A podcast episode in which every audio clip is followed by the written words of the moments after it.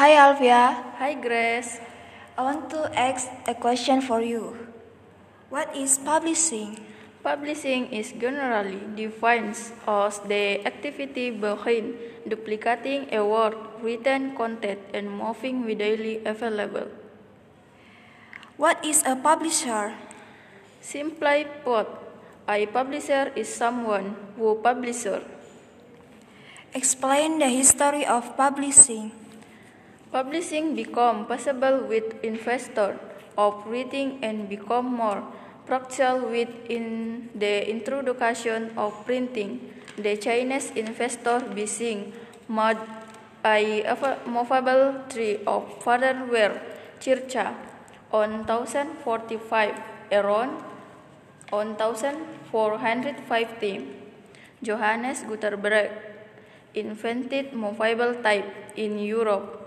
Modern newspaper publishing started in Germany in 1609, while the publishing of magazine followed in 1663 to establishment of the World Wide Web in 1989 soon propelled the website into a dominant publishing medium. Who invented the actual movable machine type in the history of publishing?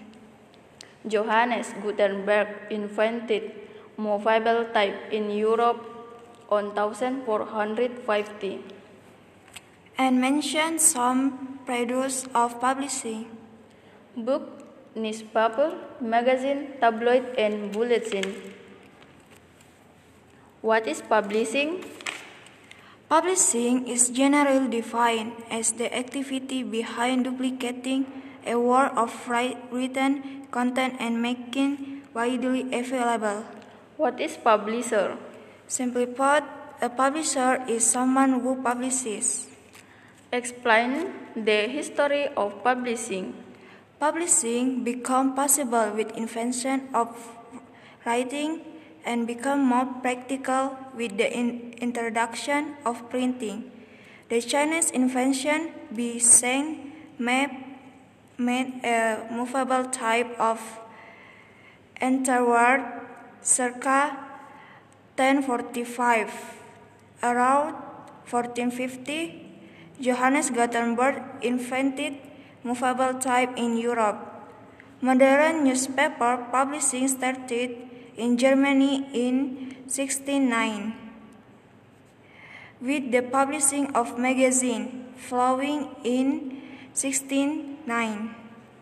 The, the establishment of the World Wide Web in 1989 soon propelled the website into dominant publishing medium. Who invented invented the actual mobile machine type in the history of publishing. Johannes Gutenberg invented movable type in Europe 1450. Mention some products of publishing. Book, newspaper, magazine, tabloid, and bulletin. Thank you.